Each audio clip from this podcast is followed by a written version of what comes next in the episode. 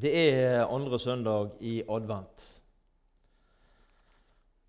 Og eh, julen, den, eh, som Toril sier, julen nærmer seg med stormskritt. Og eh, du er kanskje her som har begynt å bake og styre og eh, vaske til jul osv. Magne han har begynt, tenker jeg. Det er jo det som, det er, det som er det vanlige. Sånn. Folk styrer på å bake seks-sju sorter osv. Noen har kanskje vært på julekonsert. Jeg skal på julekonsert eh, på fredag. Jeg gleder meg som en unge. For det å være i Herlakirka og, og høre på Asker Brassband, det er fantastisk for meg. Så det gleder jeg meg til. Juleevangeliet det blir stort sett lest fra Lukas kapittel 2. Og skal ikke, Vi skal ikke ta julen på forskudd, men jeg har lyst til å lese et vers så, så, altså Juleevangeliet blir ikke lest i dag fra Lukas 2, men det blir lest fra andre korinterbrev. Og det er det åttende kapittelet i andre korinterbrev og vers 9. Dere kjenner vår Herre Jesu Kristi nåde.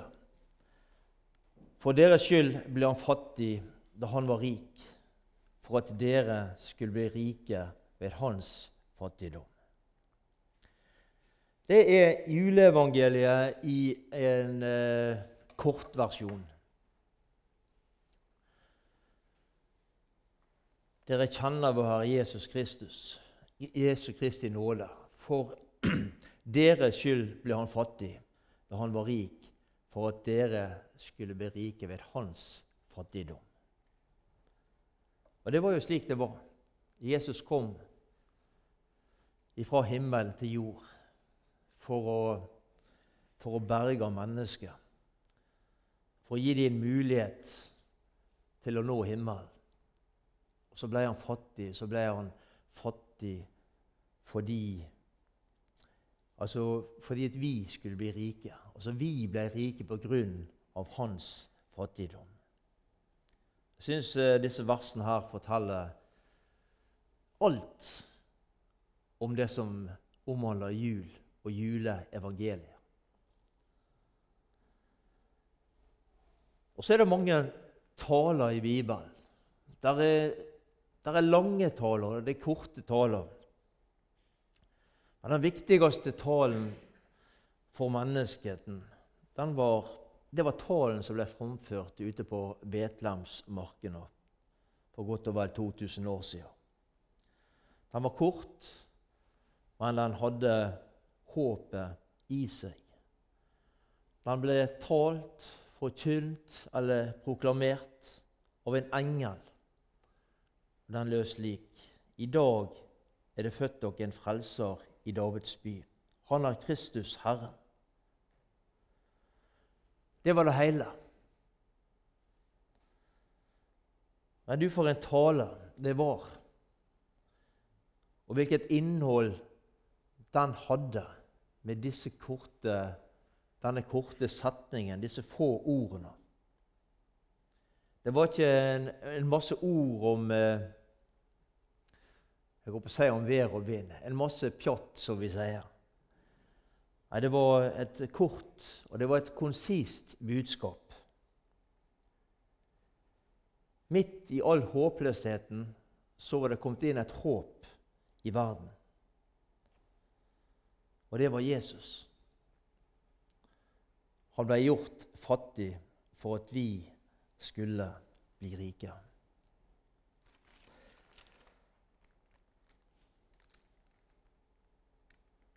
Nå skal ikke jeg foregripe julen, så nå skal vi slutte der med, med dette. Men vi skal gå til, eh, vi blar litt fram i Bibelen. Vi kommer til første Korinterbrev.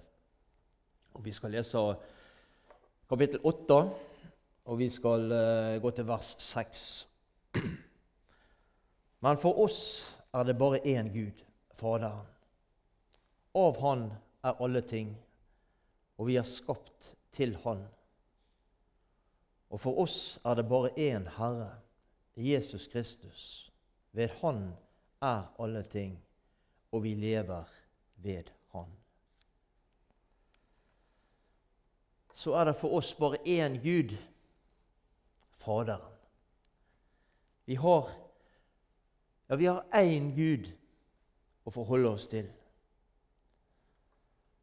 I dagens samfunn så florerer det med, med gudebilder, skikkelser. Gudspersoner som en eh, skal forholde seg til.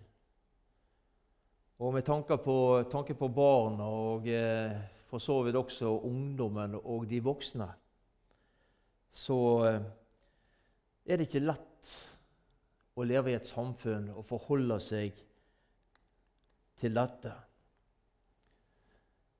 Vi skal lære om forskjellige religioner. Det er hinduisme, og det er buddhisme og katolisisme. og Det er en masse ting som en skal forholde seg til. Og det er mange som eh, er på leit.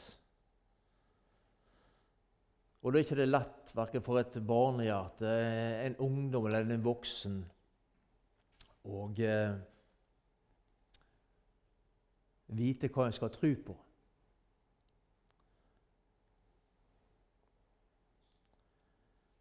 Da kan eh, forvirringen lett bli total. Hva skal vi tro på? Fins det en Gud? Mennesker som eh, opplever prøvelser i sitt liv, kan stille spørsmål om Gud virkelig fins. Og om han er der, så bryr han seg i hvert fall ikke om meg.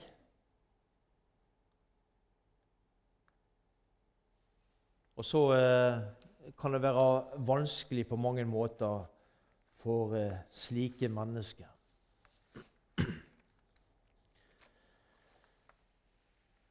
Men vi leste så er det bare én Gud, Faderen.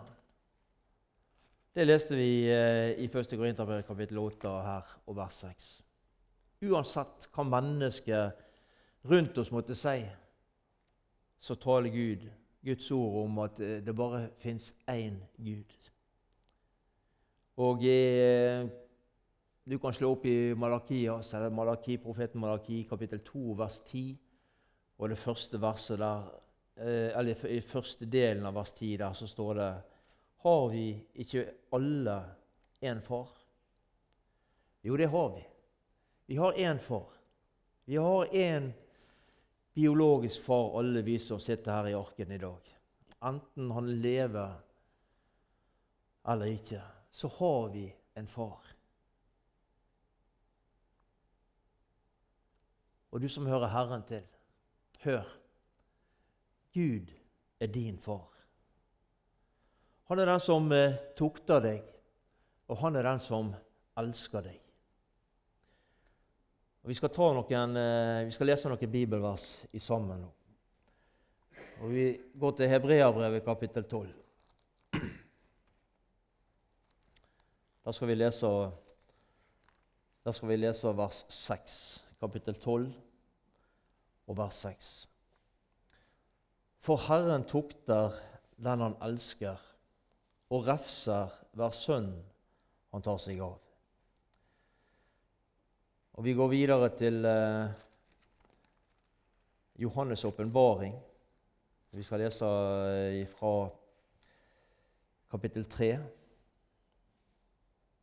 og vers 19.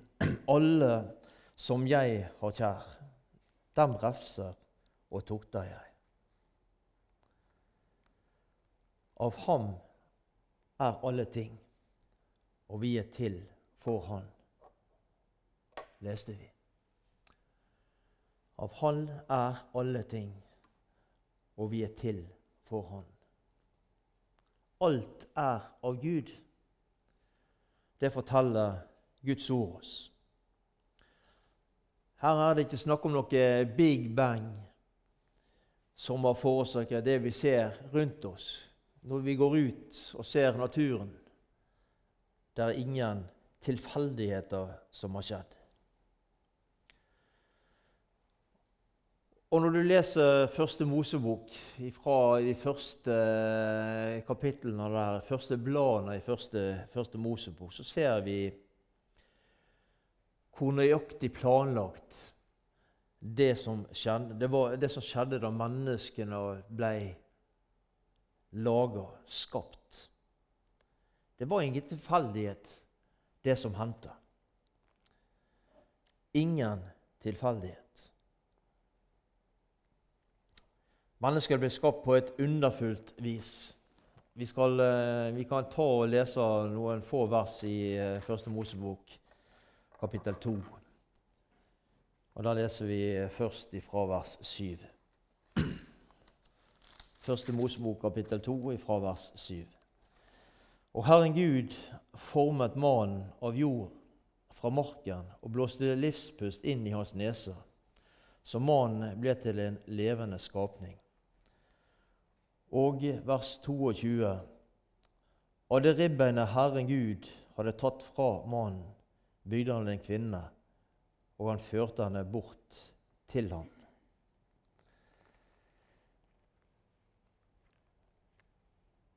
Det er, det er vanskelig å, å tro at det, at det, var slik. For det er, jo, det, er jo, det er jo bare helt fantastisk at det er sånn. Det er sånn at det er tanken vår den klarer ikke å, å forstå dette her. Av ham er alle ting, leste vi i Korinterbrevet. Og Vi skal lese et vers fra Johannes. Vi bruker Bibelen litt i, i dag til å understreke det som blir sagt. Johannes evangeliet.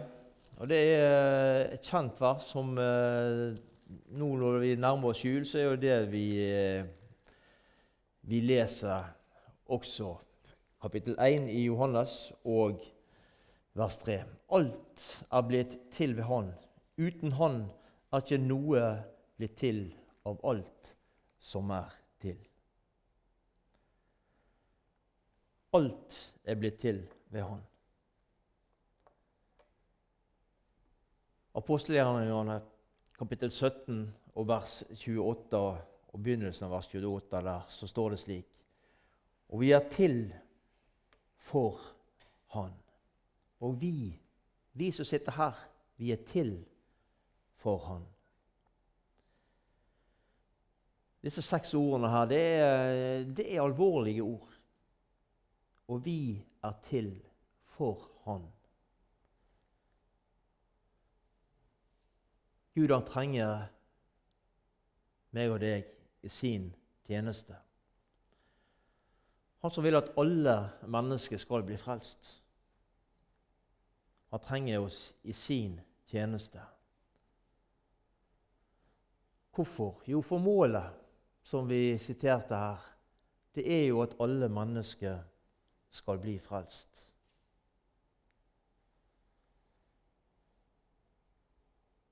Og så kan spørsmålet komme. Hva har du gjort med det talentet som du har fått? Med de evner som du har fått ifra Gud? Hva har du gjort med de?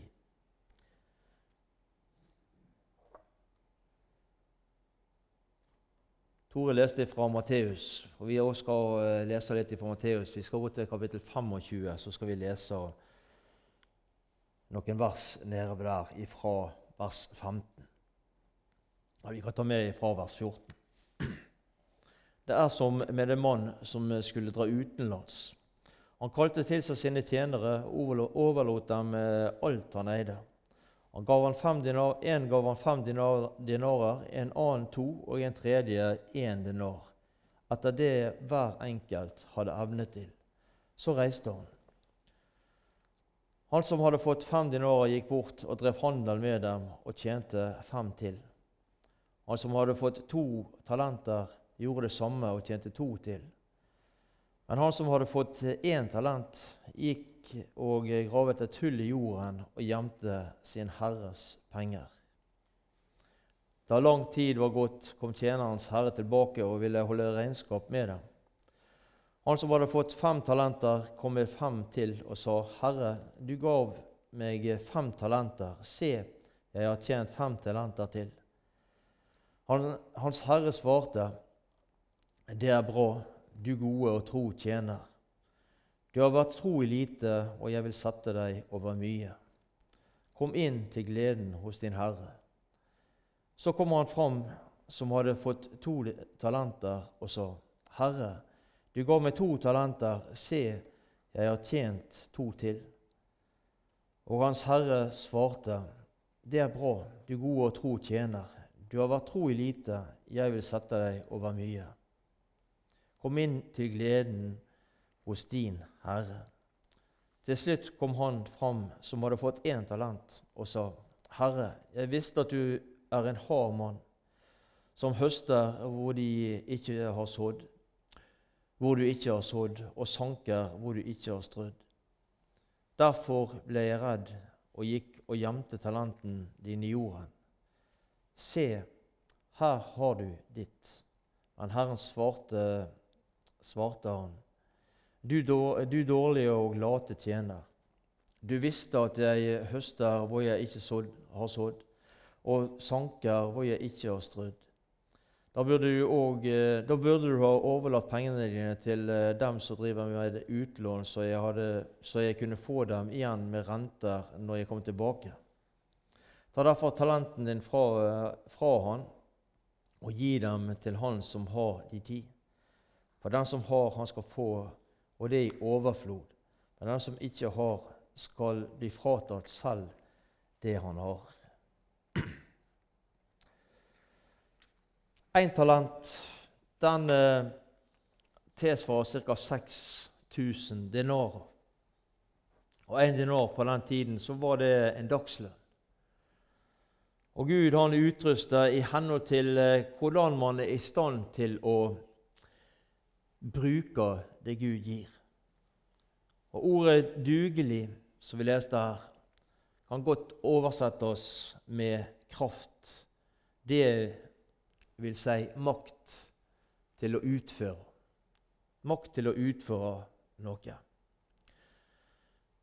Det var ingen forskjellsbehandling på disse tre karene som sto der.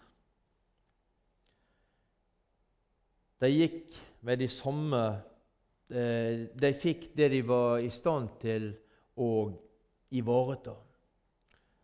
Og det leste vi om her i vers 16. Eh, Han som hadde fått eh, fem talenter, gikk bort og drev handel med dem og tjente fem til. Ivrig i tjenesten, ville vi kanskje sagt om denne her mannen her. Men han gjorde det som Hans Herre hadde bedt han om. Han forventa at han skulle gjøre noe med de fem dinarene.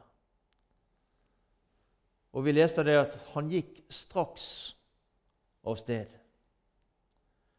Han utsatte ikke det som eh, han skulle gjøre for sin herre. Også han som hadde fått to talenter, gjorde det samme. Han økte med 100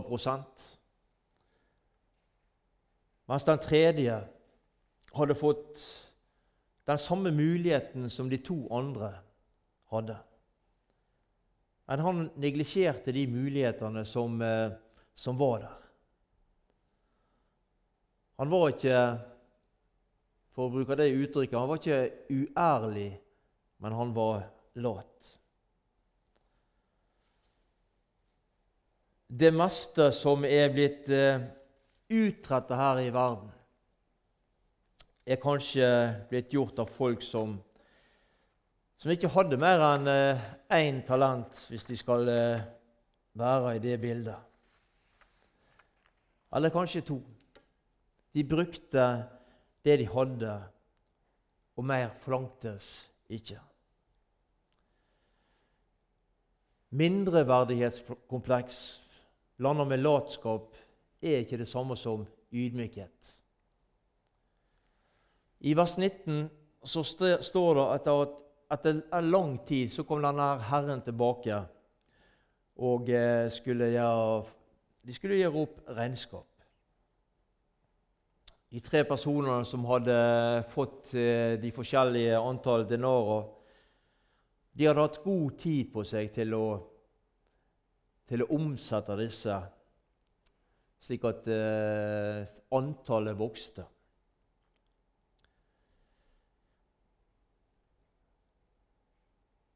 Samtidig ble deres tru og utholdenhet satt på prøve.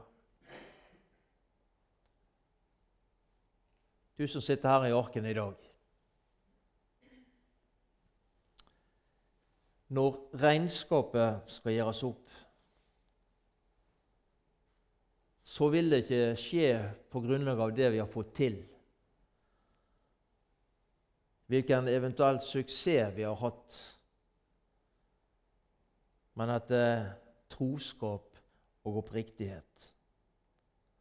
Denne tjeneren som hadde fått fem talenter, han ble ikke lovprist fordi han hadde lykkes med det som han hadde fått. Nei, det var ikke, det var ikke derfor men fordi han var god og trofast. Et lite resultat som er vunnet i troskap, til mer i Guds øyne enn et stort uten. Han hadde vært tru i lite. Det var ikke de store Det var ikke de store antallet det var snakk om, men han hadde vært tru i lite.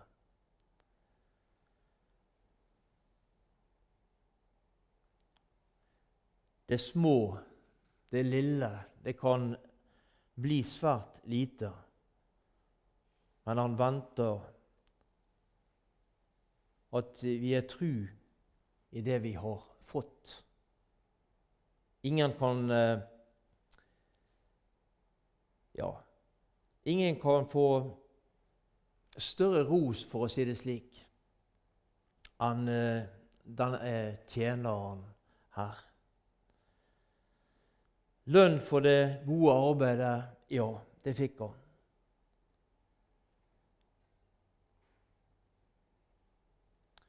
Det var ikke hvile videre, men mer arbeid for Herren.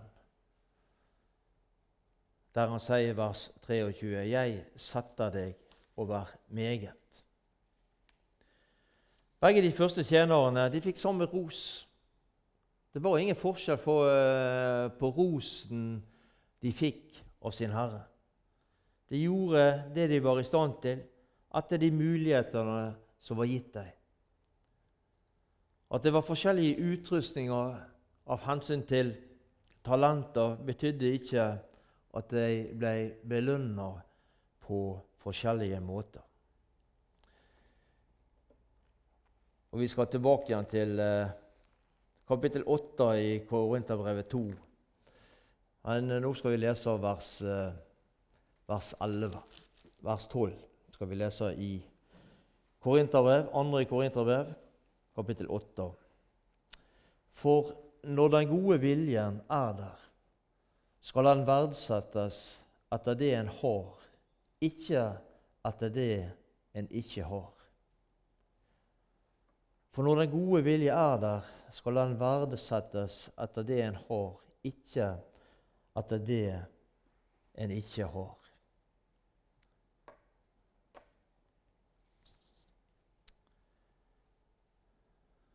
Det var jo eh, et merkelig vers å lese. Men eh, det forteller en del, det òg. mellom de store som vi ikke er i stand, vi er ikke i stand til å gjøre, og det små som vi kanskje ikke gjør, er det fare for at vi ikke gjør noen ting. Det var det som felte denne mannen som hadde fått én talent, denne tjeneren.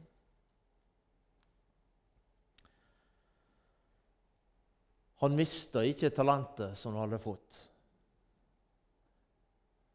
men han gjorde ikke noe med det.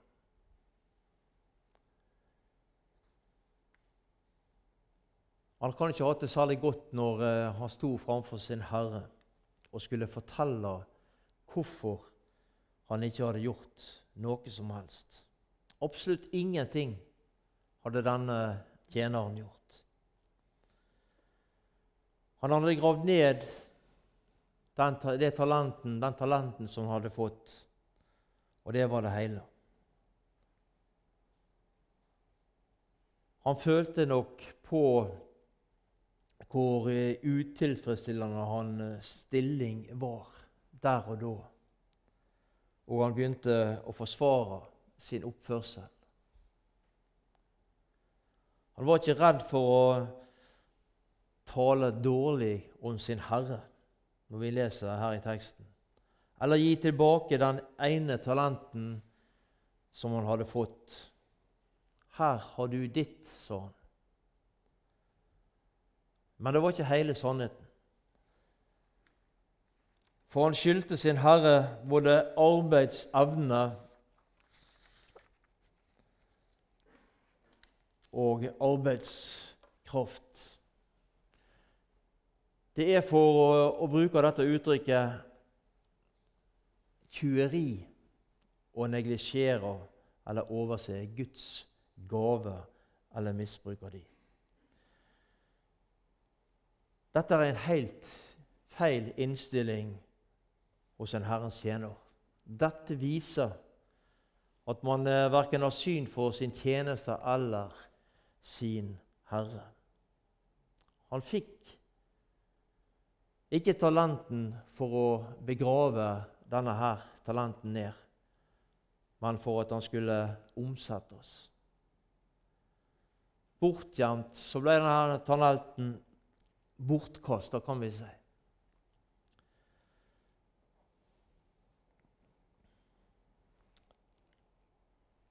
I teksten så uh, leste vi vers uh, eh, 29. For den som har, han skal få, og det er overflod. Men den som ikke har, skal bli fratatt selv det han har. Den som ikke har,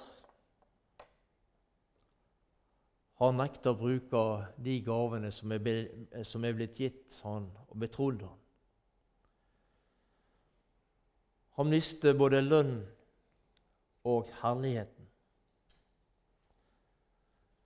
Og Så kan spørsmålet komme til oss hvordan er det med, med oss, vi som er her i Arken i dag? Og jeg vil si det slik at det ikke blir noen misforståelse. Her er det ikke snakk om frelse eller ikke. Har du sagt ja til Jesus i ditt hjerte, ja, da er du frelst. Da er du på himmelveien.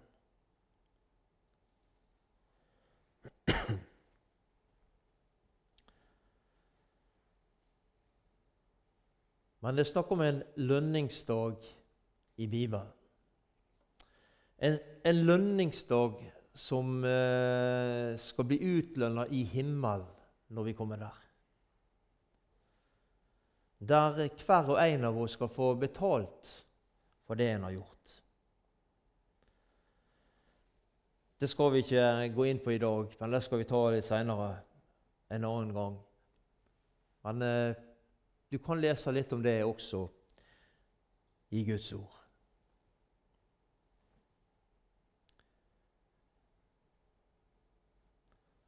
så kan vi spørre oss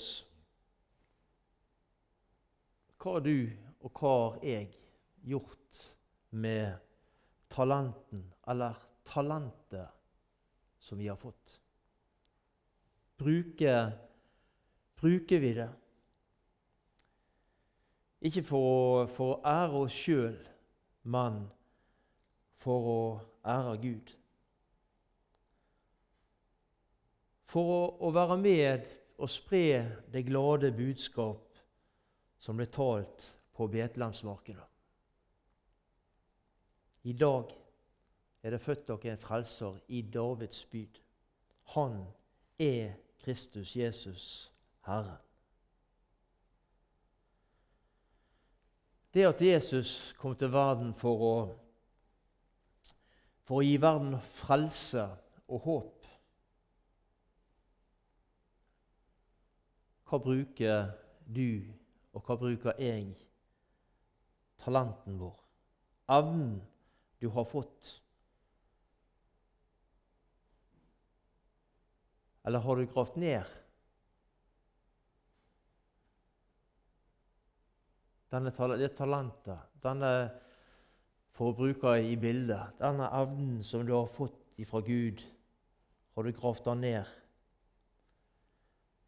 Og eh, slik som eh, denne, denne, tjeneren med én dinar gjorde.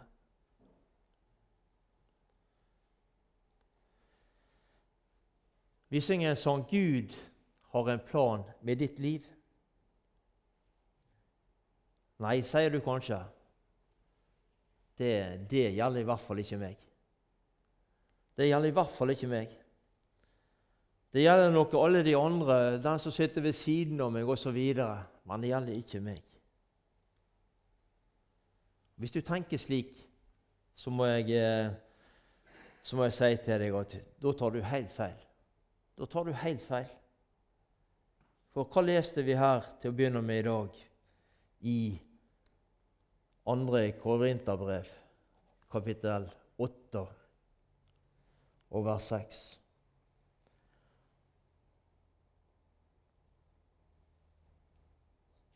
Andre, nei, første Korinterbrev, kapittel 8 og vers 6 skal vi lese opp igjen. Men for oss er det bare én Gud, Faderen. Av Han er alle ting, og vi er skapt til Han. Og for oss er det bare én Herre, Jesus Kristus. Ved Han er alle ting, og vi lever ved Han. Han trenger deg i sin tjeneste. Det er ikke snakk om alle de andre, men det er snakk om deg, og det er snakk om meg. Han trenger oss i sin tjeneste. At du bruker det talentet som du har fått, de evner som han har gitt deg, de gaver som han har gitt deg. Ikke for å fremheve oss sjøl, men for å ære Han. For å være sendebud i Hans sted.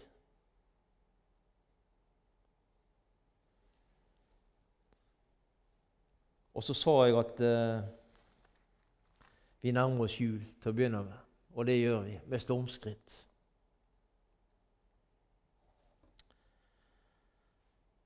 Og det er mange, som Toril var inne på, det er mange som gleder seg til jul. Det er jo fantastisk kjekt med jul. Det er ikke sant, uh, Louisa? Åpne pakker og sånt. Det er jo klart det er kjekt. Det er kjekt å være sammen med familie og ha det kjekt i sammen. Kanskje familie som en ikke ser så ofte som før.